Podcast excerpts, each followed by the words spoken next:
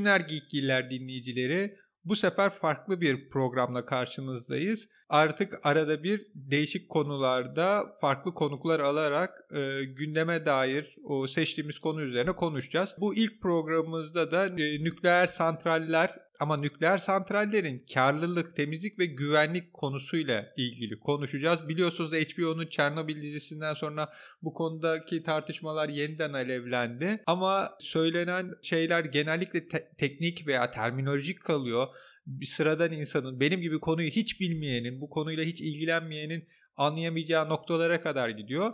Ama biz Twitter'da Doktor Hector mahlasıyla yazan Korhan Bahar'dan bu konuyla ilgili çok ilginç tweetler okuduk ve kendisini programımıza davet etmek istedik. O da bizi kırmadı, geldi. Korhan Bey hoş geldiniz. Hoş bulduk, teşekkür ediyorum.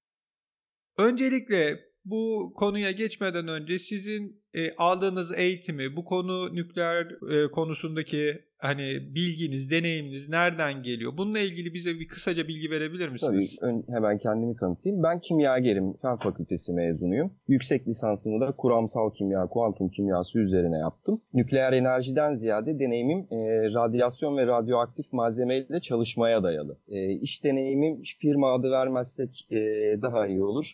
E, radyofarmasi dediğimiz nükleer tıpta kullanılan ilaçların üretimine dayalı e, bir deneyim.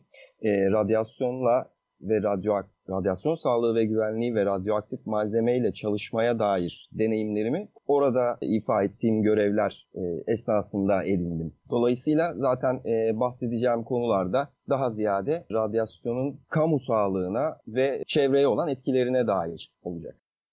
Peki. Hocam ben şimdi hiçbir şekilde bu nükleer santraller konusunda hani bunun güvenliği, temizliği, karlılığı hiçbir bilgim neredeyse yok. Bir Gomorrah filminde nükleer atıkları kamyonlarla gömdürüyorlardı onu bilirim. Bir de Simpsonlarda Homer, Homer Simpson nükleer tesiste çalışıyordu. Orada kazalar yapıyordu bir şekilde örtbas ediliyordu. Yani benim bilgim bu kadar. O yüzden şimdi siz baştan o tweetlerinizde de anlattığınız gibi bu santrallerin karlılığı nasıl olur? Bu benim anladığım bu nükleer santrali ilk kurduk mu karlı bir şey olmuyor galiba. Ee, şöyle nükleer tesisler yani uzay teknolojisi ve nükleer tesis teknolojisi şu an e, dünyada herhalde en yüksek teknoloji seviyesi bu alanlardadır. Dolayısıyla çok pahalı sistemler bunlar. Haliyle yani hem en pahalı teknolojiyle çalışmaya başlıyorsunuz ve bunu da ithal etme yoluyla dışarıdan satın alma, tedarik etme yoluyla yapıyorsunuz. E, benim asıl değindiğim nokta oydu. Bununla ilgili Bilim ve Aydınlanma Akademisi'nin çok güzel bir e, raporu var. Onu tavsiye ediyorum. Twitter'lerde yazmamıştım onu. Onu özellikle tavsiye ediyorum. Bir de Çiğdem Toker, gazeteci Çiğdem Toker'in e, konularda bir yazı dizisi e, hazırlamıştı. Orada da işin maliyeti, atıkların bize yükleyeceği e, maliyetler vesaire e, bunların hepsini detaylı bir şekilde daha fazlasıyla ilgilenmek isteyenler oradan e, daha detaylı bilgi alabilirler. Benim değindiğim konu e, bu tarz teknolojileri eğer uygulamaya geçirip bunlardan fayda elde etmek istiyorsanız öncelikle buna dair bir geçmiş birikiminiz ve know-how'unuz olmalı. Bizim elimizde böyle bir deneyim ve birikim söz konusu değil. TAEK Kurumu yani Türkiye Atom Enerjisi Kurumu'nun bu konudaki çalışması da personeli de çok sınırlı. Dolayısıyla biz bu işi dışarıdan satın aldığımızda taşıma suyla değirmen döndürmeye çalışıyoruz. Ya benim anladığım şöyle bir şey var. Mesela İran uranyumu zenginleştirmeye çalıştığı için Amerika ile başı belada. Bizim böyle bir çalışmamız da yok uranyum zenginleştirme. Hani bu nükleer enerji için yapılacak. Biz her şekilde bu santrali kurarsak dışarıya bağlı olacağız. Evet evet enerjide dışa bağımlılığı kesinlikle azaltmıyor bu e, santral. Neden diyecekseniz şimdi İran uranyum madenleri de var adamların ve üstelik hani bu e, yakıt olarak kendileri de işleyebiliyorlar. E, İran'la Amerika'nın arasındaki sıkıntı anladığım kadarıyla nükleer silah üretmeye de yönelik. O yüzden hani şey onu çok Uranyumu belli bir şekilde zenginleştirirse nükleer silah olarak da kullanabilir. Evet. Ama evet en azından bir teknoloji var bunu. Evet. Hem ham maddeleri var hem teknolojileri evet, var. adamların e, ve daha da önemlisi bu konuda deneyimleri var. Deneyim demek sadece hani o işi nasıl yapılabileceğini bilmek değil. E, tweetlerde de bahsetmiştim. Bu işin kültürünü yerleştirmek de önemli. Çünkü e, bu tarz konularda çalışacağınız zaman e, bu işlerin kendine özgü bir e, çalışma sistematikleri vardır. Yani kimyasal malzemeyle çalışmanın yöntemi, güvenliği, önlemleri vesairesi başkadır. Nükleer e, malzemeyle çalışmanın sistematiği, metodolojisi bambaşkadır. Dolayısıyla önce yerleşik bir kültürünüz olması lazım. Şimdi bizde zaten e, işler bildiğiniz gibi disiplinsizlik ve denetimsizlik yüzünden sıkıntı yaratıyor. E, bir de elinizde bu işe dair deneyimi olan kalifiye eleman yok. Yani adamlar gidecekler işte Rusya'da eğitim alacaklar ama aslında tamamen kuramsal eğitim alacaklar ve bizim okullarımızda aldıkları kuramsal eğitimden sonra bu tarz bir işe girdikleri zaman herkes bocalayacak. Bunu anlatmak hakikaten zor çünkü deneyimle kuramsal bilgi her zaman ya çok az örtüşüyor. Hani okulda aldığımız eğitimi piyasaya girdiğimizde karşılaştığımızda pek işe yaramadığını görürüz. Genelde basın yayından mezun olan arkadaşlar gazeteye geldiklerinde hani okulda öğretilenin esasında gazetede çok da doğru olmadığını, o farklı bir şekilde işlediğini görürler. Anladığım bu nükleer işinde de öyle. Kuramsal olarak öğrendikleriniz e, tesisin içine girince ya da bu radyoaktif maddelerle çalışmaya başlayınca biraz değişiyor. Elbette değişiyor. Bir de şöyle bir durum var. Okullarda verilen kuramsal eğitimler bu işin nasıl diyeyim özüne dayalıdır. Anlatabiliyor muyum? Yani mekanizmanın size işleyişini anlatırlar. Ama iş çalışmaya başladığınız zaman elinize tornavida alırsınız, İngiliz anahtarı alırsınız. Öyle bir fark var en temel olarak. Anlatabiliyor muyum? Yani evet. mühendislik fakültelerinden mesela mezun olan arkadaşlar e, bize iş başvurusunda bulunuyorlar. Mülakatlarda mesela bizim onlara sorduğumuz sorular içerisinde o bu en önemli yer teşkil ediyor. Hiç eline tornavida aldın mı? Hiç bir makine söktün mü diye soruyorlar adamlara. Anlatabiliyor muyum? Bizde de aynı şekilde Mesela e, daha güncel bir konudan örnek vereyim. E, ilaç fabrikalarında kimyasal analiz. Öğrenci senelerce sadece e, reaksiyon gerçekleştirme vesaire e, ve bunların hesaplanması üzerine çalışmış. Ama içeri firmada çalışmaya başlayıp laboratuvara girdiği zaman yepyeni hayatında hiç görmediği ya da sadece okulda işte enstrümantal analiz laboratuvarında bir kere kullandığı bir cihazın başına geçiyor. Dolayısıyla herkes sudan çıkmış balığa dönüyor. E, nükleer enerji dediğimiz konu öyle sudan çıkmış balığa dönüp bocalayarak götürebileceğimiz bir konu değil anlatabiliyor muyum? Risk daha buradan başlıyor yani. Anladım. Yani bizim genel olarak Türkiye'de işleyen mantık kervan yolda düzülür. Bu nükleer santrallerde olmuyor. Peki güvenlik meselesine geçersek çünkü ben hani Homer Simpson sürekli bir kaza yapar ama örtülür üstü şeklinde bilgilerim var. Hani güvenliğini sağlamak ya da bu nükleer atıklar üzerinden çevrenin güvenliğini sağlamak ne kadar zor? Ne kadar maliyetli? Şöyle e, onun ma- bu maliyetleri ve bunlarla ilgili sayısal veya istatistikler istatistiksel değerleri bu en başta söylediğim e, kaynaklarda daha net bulabilirler. Şu an benim önümde şey yok. Ona dair sayısal veri yok. Ama şöyle kabaca ben size anlatayım. Öncelikle bu işin güvenliği ya bu işte prosedürler konuşur anlatabiliyor muyum? Attığınız adıma bile bir protokolde tanımlı olması lazım. Yani bir kapıdan diğerine geçerken siz bir e, protokolde yazılan prosedürü uygularsınız ve bir kapıdan diğerine geçtiğiniz zaman da o kapıdan geçtim filanca odaya girdim diye imza atarsınız. Bu kadar detaylı protokollerden söz ediyorum. Anlatabiliyor muyum? Giyinme soyunma prote- protokolü vardır, prosedürü vardır, el yıkama prosedürü vardır, kıyafet değiştirme prosedürü vardır, malzemeye dokunma dokunmama prosedürü bile vardır. O derece sağlam tanımlı olması gerekiyor bu işin e, güvenli gidebilmesi için.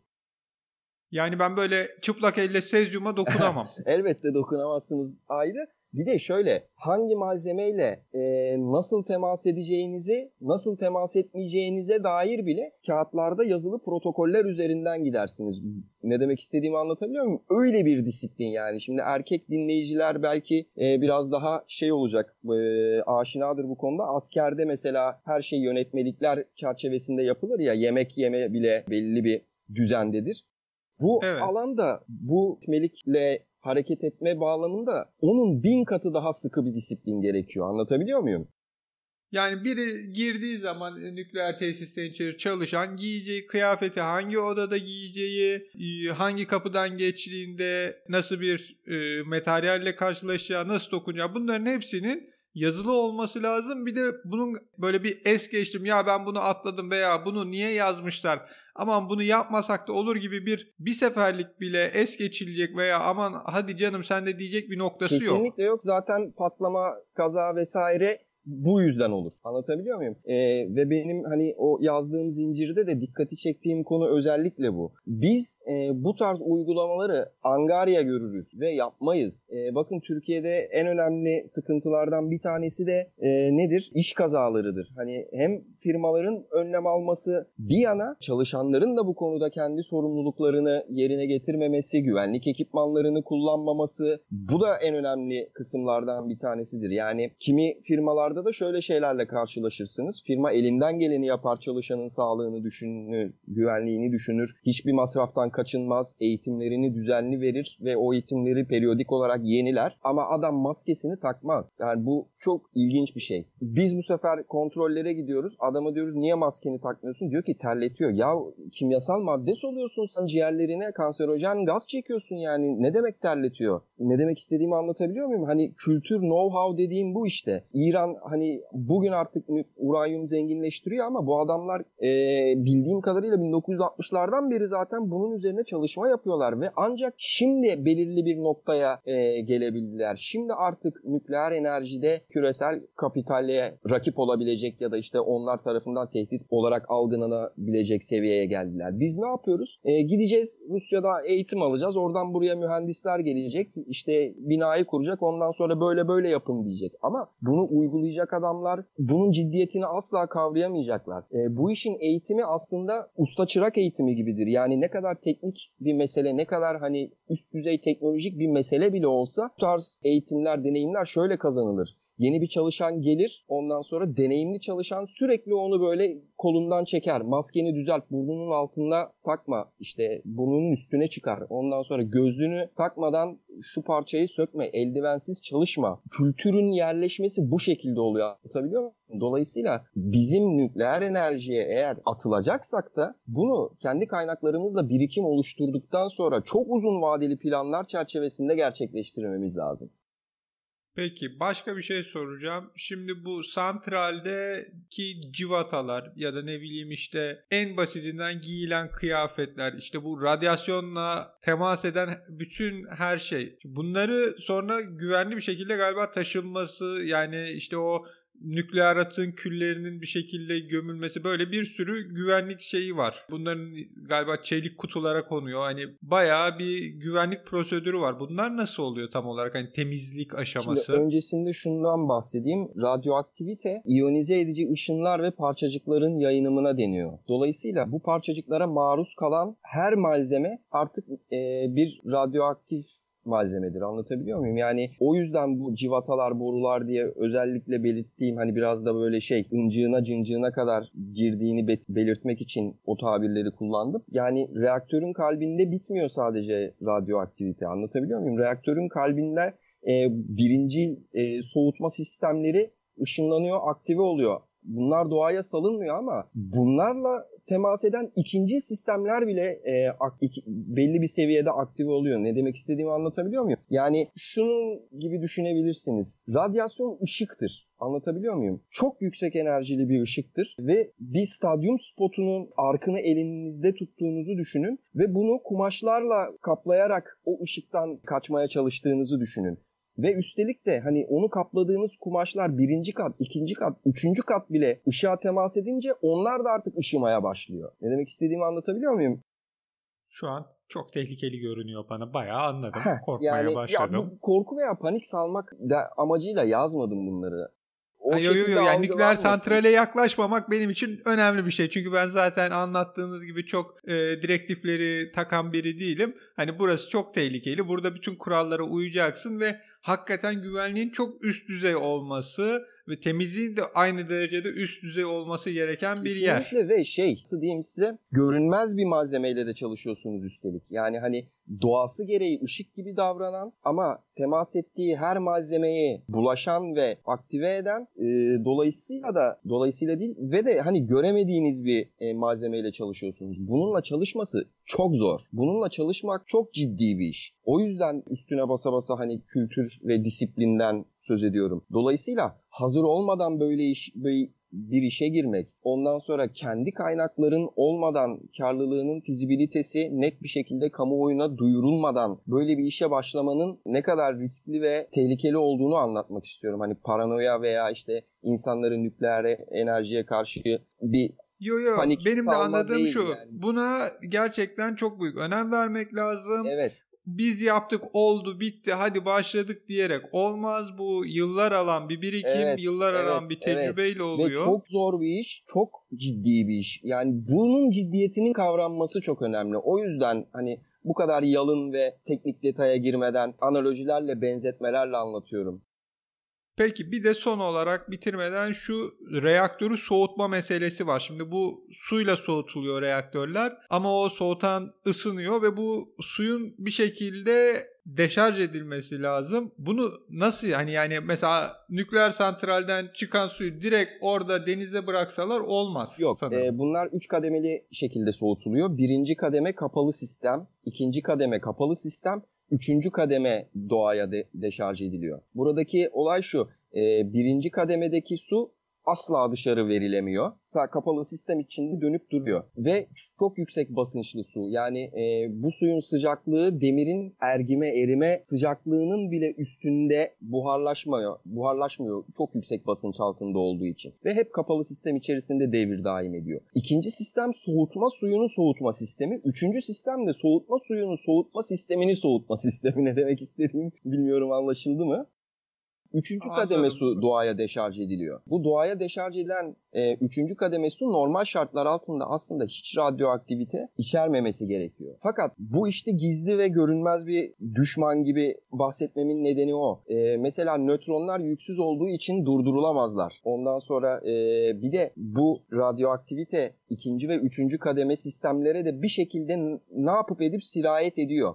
Dolayısıyla bu şarj üçüncü kademe suyun bile deşarj edilmesi durumunda etrafta işte ışınlanmış sudaki oksijenden kaynaklı o e, azota dönüyor ve radyoaktif azot elementinin ne dair ölçümler alabili, alıyor, alıyorsunuz. Keza iot izotopları oluşuyor. Dolayısıyla bunun güvenli ve sağlıklı denilmesi bile aslında belli limitlerin altında kalması anlamına geliyor. Yok anlamına gelmiyor hiçbir şekilde yok değil. Sadece güvenlik seviyesi olarak belirtilen seviyenin altında görüyoruz evet, biz bu onu. Bir, bir ikincisi de doğaya çok yüksek miktarda sıcak malzemeyi boşaltıyorsunuz. Bir yerin iklimini değiştirecek kadar yüksek miktarda sıcaklığı fasılasız olarak doğaya salı veriyorsunuz. Bunun da apayrı bir etkisi var çevreye.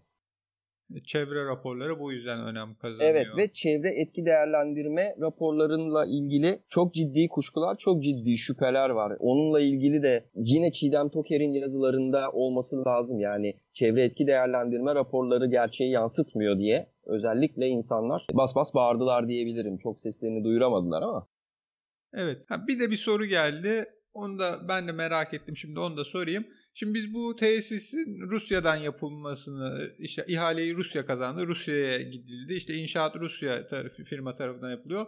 Keza biz Rusya ile ters düştük ya da işte şirket iflas etti bir şey oldu. Biz ondan sonra da bir tane tornavidaya ya da ne bileyim başka bir boruya ihtiyacımız oldu. Bunu biz başka bir yerden, üçüncü bir firmadan temin edebilir miyiz? Ya da Rusya bize çok fahiş fiyat veriyor yani işte bir çiviye 2500 dolar istiyor. Biz bunu 1000 dolara 250 dolara bulduk. Onunla bunu değiştirelim diyebilir miyiz? Ya şöyle tabii bu bahsettiğimiz civata çivi vesaire bu kadar basit malzeme yani bu kolay üzerinden... hani ben basitinden ha, Olmaz da yani mesela reaktörlerin kritik bileşenleri ya da bu sistemlerin kritik bileşenleri bunlar sadece reaktör değil. Bunları kontrol eden bilgisayarlı sistemler var. Onların yazılımları var. Güvenlik monitörleri ondan sonra işte alan dedektörleri vesaire çok kapsamlı sistemler ve bunların her biri zaten firma birbirine entegre olacak şekilde üretiyor. Anlatabiliyor muyum? Sizin kullandığınız bir dedektör arızalandığı zaman başka marka dedektör alıp buna bağlayamazsınız. Adam çünkü girişlerini, soketlerini vesairelerini ona uygun yapmış. Bunu şey gibi düşünebilirsiniz. Yani bütün cep telefonları markalarının şarj aletleri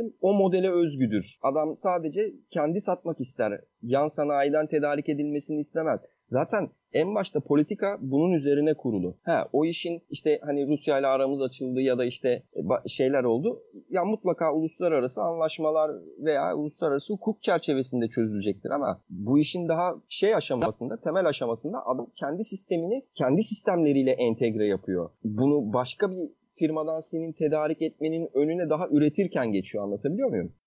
Bu da benim bilmediğim önemli bir noktaydı. Korhan Bey e, yayınımıza katıldığınız, bizi aydınlattığınız, bu konularda bilgi verdiğiniz için çok teşekkür ederiz. Estağfurullah ben teşekkür ederim. Benim verdiğim bilgi uzman seviyesinde bir bilgi değil ve dinleyicilere sadece bir perspektif sunma amaçlı anlatabiliyor muyum?